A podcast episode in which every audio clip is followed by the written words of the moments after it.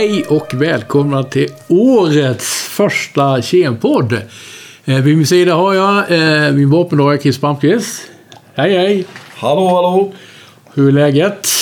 Det är bra. Året har kommit igång och eh, nytt år, nya möjligheter. Så det är mycket bra faktiskt. Ja, och sen har vi vår eminente gäst eh, Ulf Norlöv idag. Ja, hej hej. Hur är det med dig? Jo, det är bra. Solen skiner. Ja, ja, ja. Eh, och du har varit med någon gång innan, va? Eller? Ja, det har jag. Ja, och, eh, det var något tag sedan, något år sedan. Ja. Tror att det var. Ja, nej, idag så sagt så ska vi prata om compliance. Vet ni vad det är för någonting? Du kommer säkert att förklara det för oss. Eh, det, är ett jag amer- hör det. ja, det är ett amerikanskt uttryck. De har ju tagit på sig rollen som världspolis. Eh, och vad heter det? Undersöka och liksom eh, så att företag efterlever, alltså compliance på ren svenska, så betyder det eh, att man följer regelverket. Och ett företag har ju massa olika regler man ska följa då. Eller hur? Ja, Och i vår bransch så ska man ju följa liksom REACH-direktivet. Vad innebär det? det innebär att eh, man, skadliga kemikalier, att man ska minimera eh, den risken som eh, ens eh, medarbetare utsätts för. Och det är ju inte bara att man ska följa reglerna utan det är egentligen viktigare att medarbetarna mår bra och är motiverade. Ja, precis, precis. Och det är ett stort mörkertal här. Det är ju rätt många företag då som inte har, som inte följer de här reglerna. Vad kan det bero på då? Ja, oftast så är det okunnighet och, och eh, att man tycker att ja, men jag har inte tid med det. Ja, det är okunnighet. Det är okunnighet. Det är väl, ja, precis. Det Tid är nog en väldigt viktig Ja. eh, parameter där. kemikalier är ju någonting som, som, som katten har släpat in och det, då blir det kanske komplicerat att hålla sig upp, uppdaterat till, till alla de här reglerna då.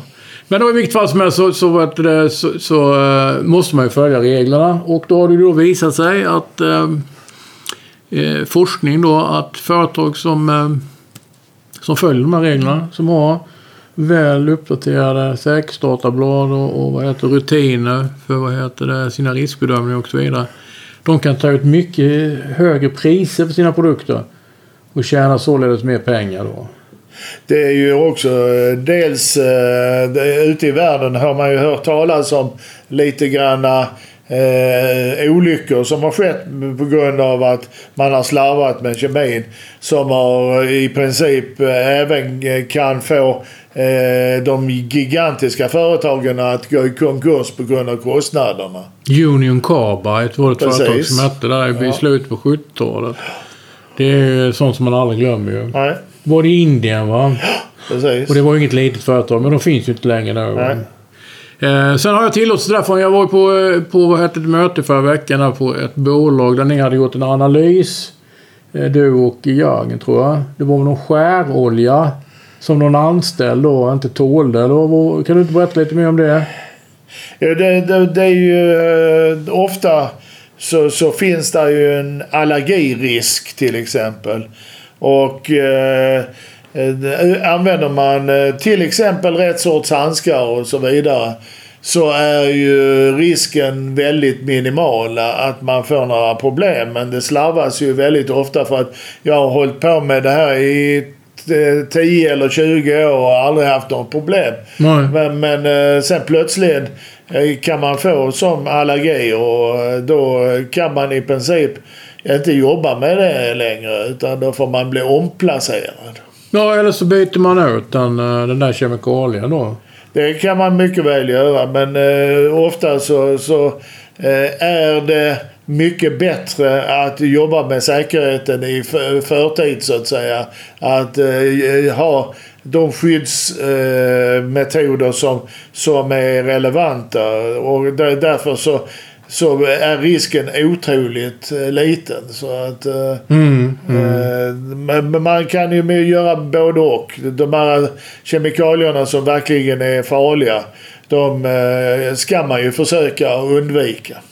Ja, ja, absolut. Men det ingår ju också i vad heter det, det här regelverket att man ska hitta bättre alternativ. Ja. Många framgångsrika företag, det blir ju liksom som ett hjul, tror jag, det här med compliance. Och vad jag menar med hjulet, ska man, första anblicken är att nej vad jobbigt, det är nya regler från myndigheter etc. Vi måste ha till exempel uppdaterade säkerhetsdatablad etc. Det är ju första biten. Men nästa steg är att företaget börjar fundera. Eh, vi uppfyller detta här. Vi klarar av att eh, eh, uppdatera säkerhetsdatablad. Vi anlitar någon som hjälper oss med det och vi gör riskbedömningar. I nästa steg sen ser man att oj, nu har vi fått en kom, kom, konkurrensfördel. Ja, ja, så kan det vara ju. Absolut, Och- och- absolut. Och tack vare att konkurrensfördelen har dykt upp så kan man gå in i nästa skede. Att marknadsföra tala om att vi arbetar på ett hållbart sätt. Ja. Vilket gör där du kommer in i den parametern där man har möjlighet att ta betalt. För Ja. idag är konsumenten medveten om vad som händer för någonting. Man vill ha veta det att de levererar, att deras personal arbetar på ett hållbart sätt. Därför kan jag välja den leverantören. Även om det skulle kosta några kronor mer att anlita den leverantören. Och väldigt många av de stora multinationella företagen ställer krav. Så att det blir mer och mer att eh, eh, eh, uppfyller du inte kraven så får du inte leverera. Ja, men så är det ju. Snackar vi verkstadsindustri, verkstadsindustribransch så finns det ju ett företag som heter Epiroc. Som är liksom banbrytande. De. De ställer ju krav på sina underleverantörer. De har kommit på en rätt så bra grej med. Om man då ska prata säkerhet också. Att vad heter det då, då talar de om för vad heter det, sina kunder att ska ni jobba med oss så, så ska ni ha dem och dem och de kemikalierna. Då blir det ju i och för sig svårt att, hitta bättre alternativ. Ja, men de, de är ju också... Kommer man med bra argument så kan de ju kanske också ruckas. Ja, ja, så är det, så är det ju. Så att... eh, Men, men det, man, man måste ha mer på fötterna än vad man... eh, Förr så kunde du gå in till, till eh, den lokala be- bensinmacken och, och ja, det, de, eh, vi tar det medlet de har hemma. Ja, ja, precis. Utan att eh, riktigt veta vad det var för någonting. Hur många oktaver finns det på ett piano? Är det debit eller kredit som är mot fönstret? Eller hur påverkar bromerande flamskyddsmedel miljön? Vet du detta? Då är du möjligen lite klokare än många andra. Dela med dig av din kunskap. Spela in en onlinekurs med allt du vet. Lägg upp den på Cluecast, plattformen där du lagrar, skyddar, distribuerar och tar betalt för blended learning online. Så enkelt och flexibelt. Cluecast. C-L-O-O cast.se Klok, klokare, Klokast. Hej, jag heter Karl-Uno Olsson och är VD i Samtech Scandinavia AB. Efter 25 år i verkstadsindustri vet jag att systematiskt arbetsmiljöarbete kan vara både tidskrävande och komplicerat. Samtech hjälper er till ett kostnadseffektivt arbetsmiljöarbete samtidigt som ni får tillgång till våra experter. Gå till www.samtech.se, samtec.se eller ring mig på 0720 260 270 så ska vi se hur vi kan hjälpa er på bästa sätt. En, en, en vad heter det, smart grej som eh, de har kommit på också. eh, Det är att de har ett så kallat blåljus på truckarna som jag märkte när jag var ute på kundbesök förra veckan. Ja. Det var väldigt eh, vad heter det, smart. För då, det, då tittar man ner. Det, var, det kom från taket på trucken och så som en, ja, som ett blåljus gör. Blåljuspersonal som en polisbil. Och det hade liksom tagit bort olyckorna totalt. För de vanligaste olyckorna, förutom kemikalolyckor, det är ju faktiskt eh, att bli påkörd av en truck. Ja. Om man är ute på vad heter det, en fabrik eller produktionsanläggning. Och eh, de flesta företag har ju noll, noll eh, tolerans mot, mot olyckor. Det ska man ju förstås ha, eller hur?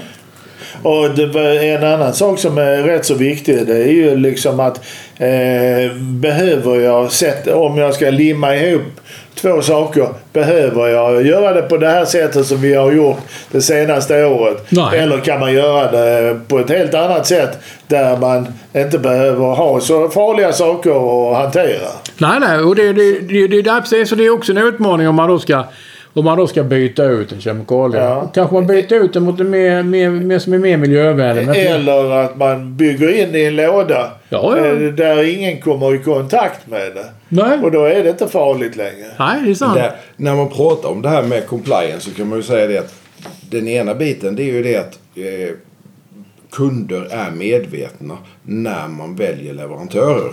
Men den andra biten är faktiskt att medarbetare är medvetna när man väljer arbetsgivare. Ja, och det är de ju framförallt. Där man, där man ser som en otrolig konkurrensfördel för ett företag där man kan uppvisa att man arbetar strukturerat med ett systematiskt arbetsmiljötänk.